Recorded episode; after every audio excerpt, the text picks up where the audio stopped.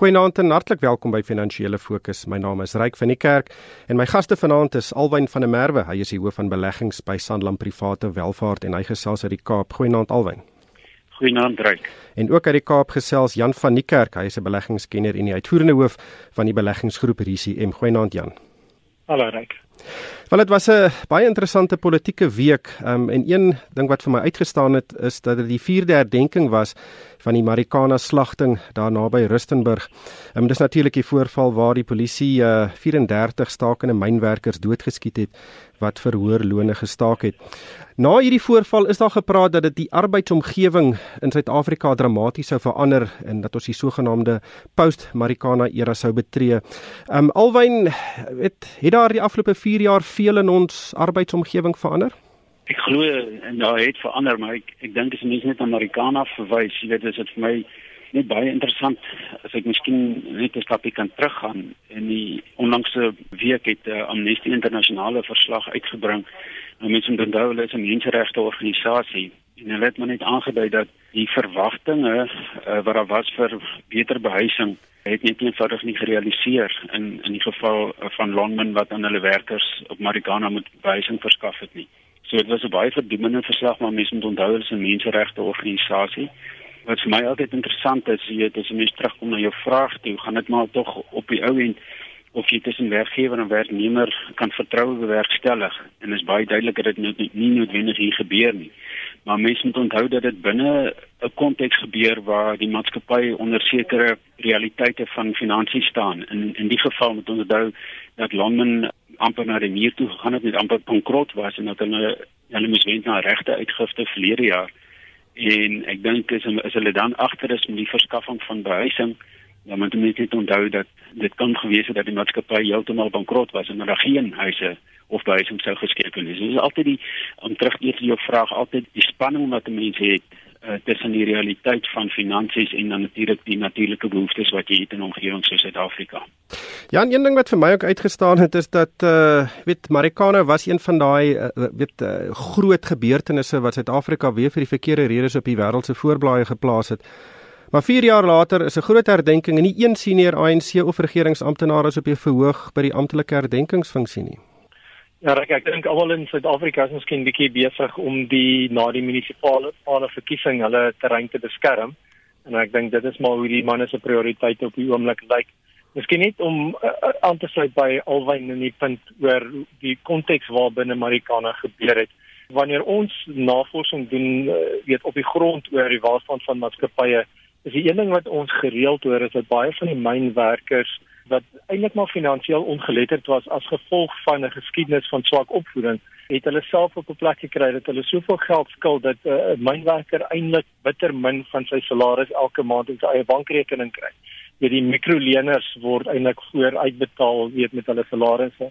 Uh, en ek dink uh, dis 'n een deel van die samelewing wat ek gedink het groot hervorming nodig was om weet 'n herhaling van Marikana te voorkom en ongelukkig al het ons die kredietbureau en die kredietwet in 2006 ingebring. Dit help nie regtig die mense aan die onderkant van die spektrum nie as dit nie aangepas word nie. Weet as die kans groot dat ons dat daai verhouding tussen werkgewer en werknemer versuur word deur hierdie kredietverskaffers. Maar ehm um, Jan, het het dinge verander in die afgelope 4 jaar? Weet ons het hierdie probleme is geïdentifiseer 4 jaar gelede. Dit was op die op die voorblaaie.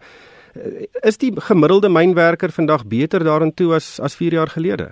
My indruk is weet nee, ek dink nie die gemiddelde mynwerker is baie beter nie, want ek dink nie die gemiddelde mynmaatskappy is in 'n beter posisie as 4 jaar gelede nie. In die afgelope 4 jaar het die gemiddelde pryse waarteen hierdie myne hulle produkte verkoop aanhoudend gedaal. Ons het verlede jaar 'n bietjie van 'n verligting gekry met 'n swakker geldeenheid maar oor die algemeen het die inkomste van baie van hierdie maatskappye gedaal en dit is nie vir hulle moeilik om hulle verpligtinge na te kom. So ek dink nie myn werk is so situasie verbeter. Alwyn is jy bekommerd oor oor hierdie scenario? Ehm um, weet Suid-Afrika het 'n baie groot vlak van ongelykheid en en armoede weet vir Suid-Afrika om vooruit te boer het ons se mense nodig, werkers nodig wat wat se lewens verbeter word. Ja, dit is beslis so en ek en ek dink as jy na Suid-Afrika kyk, ek dink ons ons inkomafdeling is altyd die die tweede wydste in die wêreld en ek vermoed dit is nou die wydste. So die verskil is baie groot en dit is natuurlik nie handhaafbaar nie en dit is presies waarna Jan verwys het. Nou erns met die situasie aanspreek, maar um, ek dink een van die punte wat wat Jan gemaak het wat ons wat ons probleem moeilik maak is dat ons sit met 'n geweldige groot klomp ongeskoolde arbeid en kom ons sê die ekonomiese waarde as gevolg van van die ongeskooldheid is natuurlik min. Aan die ander kant sit jy met 'n bestuurskorps wat hoog geskool is en wat baie keer maatskappye baie goed vorentoe vat en die ekonomiese waarde wat hulle toevoeg kan kan bewys word en dan sit jy met baie hoë salarisse maar maar ek dink 'n mens moet baie meer simpatiek na dit kyk en ek dink bestuur in Suid-Afrika um, moet baie goed na na hulle vergoedingsmodelle kyk want ek dink dit gaan dit gaan oor 'n voorbeeld wat gestel word en en jou vraag wat jy aan Jan gevra het oor rondom politici wat net afwesig is. Ek sien heeltemal saam met Jan se antwoord. Die vraag is of dit reg is. Ek dink Marikana was so groot geleentheid soos jy gesê het dat ek dink politici moet ook gesien word om simpatiek te wees teenoor die behoeftes en die, en die realiteite van 'n groot deel van ons bevolking en en ek dink ons sien nie dit nie en en nou is dit stuk van dit afwesig selfs ook binne in die besigheidssektor. Ja, ek dink jy is 100% reg. Weet ons het ehm um, die brandstof die einde van die brandstofstaking gesien hierdie week. Uh, dit was amper 'n maand aan die gang. Die partye het begin onderhandel. Die een party, die werkgewers het 7% aangebied en die werknemers of die vakbonde het 9% geëis en op die einde het na 'n maand het die werknemers moes maar sterk tussen die bene die 7% vat. En dit wys ook dat uh, die die die werkgewers het net ook besluit genoeg is genoeg. Dis wat ons kan bekostig, dis wat ons gaan betaal. Dit is dalk 'n oorwinning vir die werkgewers op die kort termyn, maar weer eens, dit spreek nie die onderliggende probleme in Suid-Afrika aan van om die armoedegaping en ongelykheidsgaping te vernou nie. Ek nie, en as jy net luister na die taal wat jy gebruik, jy weet woorde soos oorwinning en hulle het besluit genoeg is genoeg. Dit dit, dit wys jou dat ons arbeid en werkgewers, eh, jy weet as uh, sien as antagoniste weet in 'n goeie samelewing is hulle protagoniste en hulle werk saam. Uh, die ander staking wat aan die gang is, is natuurlik studente wat wil graag hê dat hulle onkoste om te studeer moet afgeskaf word of moet nie opgaan. En ek dink dit sluit baie mooi in by die hele punt is dat ons samelewing het nodig en ek dink een van die min oplossings wat ons het is om 'n geskoolde werksarbeidsmag te kry. En ek dink die beleid wat ons regering in plek het op die oomblik is glad nie gefokus daarop om ons uh, om ons af te skool nie. Ek dink die beleid is heeltemal uh, teen dit as jy sinies is kan jy sê dat die regering wil mense dom en honger hou so totdat dit verander gaan ons altyd hierdie probleme hê. Alwyn interessante hofuitspraak in Johannesburg hierdie week um, het bevind dat uh, Nersa nou dis die uh, die die reguleerder wat die elektrisiteitsprys moet bepaal. Um, hy het uh, die die hof het beslis dat Nersa weer 'n tariefverhoging van 9,4% wat hy aan Eskom toegeken het moet bekyk um, omdat hy nie die skynbaar nie die regte stappe gevolg het nie en in in, in wese bring dit mee dat uh, Eskom sy tariewe nou met uh, 9,4% moet verlaag. Eskom gaan in alle waarskynlikheid hierdie uh, uitspraak um appeleer of teen dit appeleer. Dink jy dis maar net 'n administratiewe oorsig of is hier dalk ietsie meer om die lyf? Dit is my baie moeilik om te sê of net 'n administratiewe oorsig is. Ek dink hulle sou baie dom gewees het as dit net 'n administratiewe oorsig was. Want jy kan jouself dink sies jy heeltemal reg sê dit plaas nou weer 'n hele proses aan die gang. Op die kort termyn is die feit dat dit nie goed gekeer is nie, is dit natuurlik goed vir die verbruiker, dit is goed vir vir sake in Suid-Afrika want jy moet onthou dat elektrisiteit is 'n groot insetkoste wanneer jy enigiets produseer uh, of verkoop. So dit sou vir my dit sou uh, baie kortsigtig gewees en na my mening vanuit 'n groter prentjie as dit net 'n as dit net 'n oorsig was. Maar ek dink die einde van hierdie storie het ons definitief gesien hier uh, ryk en ek en ek glo dat Eskom uh, saam met een of ander teenstappe kom om hierdie uitspraak onklaar gemaak te kry. Want weet weer eens as jy mens kyk na Eskom se boeke en gegeewe die feit dat weet daar wel nie tans nie maar dat ons in die algemeen dit nie eenvoudig net nie genoeg elektrisiteit produseer nie en en hulle finansiële behoeftes het hulle hierdie geld nodig. So So ek dink nie dis die einde van hierdie storie nie. Ek ek stem met jou 100% saam. Ek dink nie net dis ook vir my 'n 'n geval wat mense te veel sien in die by die staatsbeheerde uh, maatskappye is as die geld op is, stap hulle tesorie toe en sê ons soek nog geld, ons geld is op en daar's nie regtig stappe om die beld in te trek om, om uit te kom met die geld wat jy het nie. Dis veral die geval by die Suid-Afrikaanse lugdiens en by Eskom in 'n groot mate. Jan, ehm um, weet ek ek weet nie weet hoe jy na dit kyk nie, maar vir my voel dit net weer eens ehm um, ten minste is daar nog 'n instansie uh wat die die die verbruiker of die belastingbetaler se se belange op die hart dra en 'n laaste soos die Engelsman sê 'n check and balance is om te keer dat ons uh, nie heeltemal uitgebuit word nie. Dit is ook 'n nasionale is daar is hulle verantwoordelikheid. Het ongelukkig die die siniese manier om daarna te kyk is iemand gaan uiteindelik betaal vir die installasie van die elektriese funksie. Uh as die verbruiker dit nie betaal nie, gaan dit deur belastings gehef word en van die regering se kant af kom. So ehm um, weet NASA kan tot 'n mate die verbruiker beskerm, maar uiteindelik gaan die onkoste aangegaan word. Dit is belangrik dat ehm um, jy daar daadwerklike uh, weet bestuurskundigheid is om die, om die saak reg te bestuur en ek dink die die toename van elektrisiteitspryse is nie iets wat in 1 of 2 jaar gebeur het nie dis nalatigheid van jare wat ons nou in die hande kry. Die, die positiewe kant daarvan natuurlik is soos wat die uh, prys van elektrisiteit toeneem, uh, raak besighede en en samelewing meer effektief. Uh, en dit is nie 'n slegte ding vir ons almal om meer effektief te wees nie. Daar da is 'n scenario in die tyd wat Maduka en Kusile klaar gebou is dat die samelewing so min afhanklik is van een kolkrag dat daai twee kragstasies wat olifante kan wees. Interessante perspektief. Ehm um, Alwyn, kom ons kyk 'n bietjie na na maatskappyresultate. Dit is ons is in die middel van die rapporteringsseisoen. Ehm um, en uh, Standard Bank se resultate het uitgekom. Dit was beter as verwag. Dit is ook die derde groot bankgroep wat uh, resultate aangekondig het. Uh, het jy uh, wat wat het jy van die resultate gedink?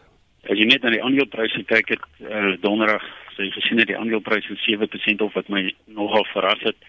Die resultate was beslis beter as wat die mark verwag het uh, Jan op ons na ons berekening op 'n genormaliseerde basis is jou is die hooflyn verdienste of wesensverdienste so met 10% op. En ek dink weet dit is 'n goeie resultaat as jy mens daarna kyk. En ek en veral die besigheid binne Suid-Afrika het goed gedoen en dan in Afrika spesifiek Wes-Afrika het hulle ook beter gedoen as wat verwag is. Die een gedeelte uh, van hulle besigheid wat uh, hulle nog steeds 'n bietjie lam lê, is hulle besigheid wat hulle in Londen het saam met ICBC en dit lyk vir ons of hulle omtrent nog nou hulle het 40% belang in daai besigheid maar of daai besigheid uh, in die orde van 2 miljard rand verlies maak waardeur hulle nog moet leef. Maar ek dink in die algemeen as jy na die resultate kyk uh, is dit regtig goeie resultate.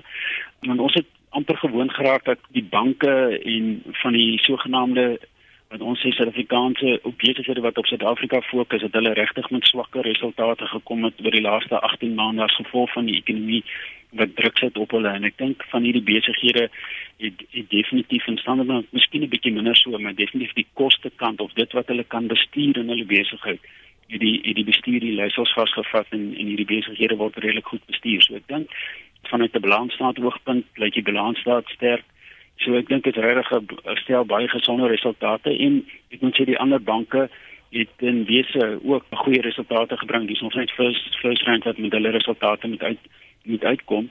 So binne in die konteks van swak ekonomiese groei binne Suid-Afrika dink ek uh, kan hierdie banke baie tevrede voel met hulle resultate. Jan, ehm um, verskeie myngroepe het ook resultate ehm um, aangekondig, Harmony, Goldfields en BHP Billiton om 'n paar te noem. My indruk was dit was aanvaarbaar, uh, aanvaarbaar en beter as wat verwag is. Wat was jou indrukke? Ja, ek as jy kyk die, die name wat jy genoem het en ook 'n paar weke voor dit het ons weet gehad Anglos en Kumba Internasionaal, Rio, uh, Glencore et cetera.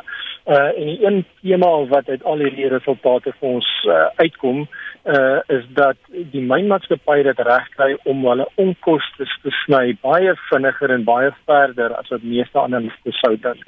So ja, daar was 'n verrassing, as jy kyk Bulletin se winste was verrassend groot en ja, hulle het voor die tyd vir almal gesê wat die produksievolume en die pryse was en die groot verrassing was hulle onkoste was laag. Nou dit kom van 'n paar plekke af. Party van hulle het werklik weet net skaalvoordele, hulle het kleiner onwinsgewende besighede toegemaak, maar aan die ander kant is hulle ontleikende markte operasies waar geld in verswak het, het hulle onkoste ook verlaag.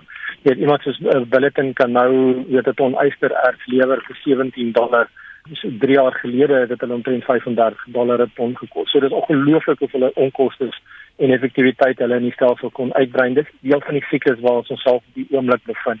Jy weet al hierdie mynmaatskappye bedryf hulle self vir kontantvloei uh en hulle sny onkoste. Uh Bulletin se kapitaal investeringsbegroting 3 jaar terug was omtrent 35 miljard dollar en ek dink hierdie jaar gaan hulle iets soos tussen 7 en 10 miljard dollar spandeer. So dis ongelooflik hoeveel geld hulle kon spaar uh, in daai deel van die siklus. So ek dink dis die ding wat vir my uitstaan van meeste van die mynmaatskappye wat gerapporteer het. En, en dit natuurlik sê vir ons dat ons is in daai deel van die siklus waar weet moeilike tye skep goeie gedrag en dit skep die, die geleentheid in 'n omgewing waar winsgewendheid vir 'n lang tydperk in die toekoms weer beter gaan lyk. Net laastens Alwyn Tencent um, het resultate aangekondig in uh, in in China. Dit is natuurlik uh, Naspers se groot onderliggende belegging uh, en hulle het baie goed gevaar, beter as verwag. Wat is jou indrukke? Ja nee, ryk eh, dit is 'n maatskappy wat uh wat voortdurend verwagtinge oortref in, in terme van hulle groei. Net hulle inkomste om jy dit te gee van die grootte uh van hierdie maatskappy, hulle hulle inkomste in die kwartaal was 35.7 miljard renminbi en normaal het maar met 4 om 4 na jaarsyfer oorgesit en dan net net miskien net om jou idee te gee van die orde grootte van groei waarvan ons praat. Een van die groot aspekte waar hulle waar hulle inkomste genereer is natuurlik um, in Engels praat hulle van mobile games. So dit is spelletjies wat jy oor of jou rekenaar en of spesifiek jou jou slimfoon speel. Nou uh, in die finansiële jaar van 2016 verwag ons dat hulle die groei in in daai inkomste stroom dat dit met um, 84% gaan groei en dit is al van 'n basis af wat klaar nie klein is nie. So Tencent is 'n maatskappy wat voortdurend aan die opwaartse kant verras maar dit is ook dit verander ook die prys prysdienste verhouding as jy net na hom kyk soos hy is van omtrent op die orde grootte van 45 keer as jy so 'n paar aanpassings maak dan kom jy 'n prysdienste verhouding van 33 keer so jy kan sien dat die mark uh, in terme van die aanslag ook van die maatskappy hou maar soos dit nou gaan en ek, ons weet daar's 'n klomp vooruitskattingsrisiko's in die ding want uh, mense weet nie hoe vinnig die groei kan voortgaan nie jy weet net hulle ja. ongelooflike gesonde voet afdruk in China en lyk dit nog of die groei in in in spel is vir hierdie maatskappy. Baie dankie. Ongelukkig hierdie tyd ons ingehaal. Baie dankie aan Alwyn van der Merwe van Sanlam Private Welvaart en Jan van die Kerk van RCM en van my ryk van die kerk. Dankie vir die saamluister en ek koop almal 'n winsgewende week.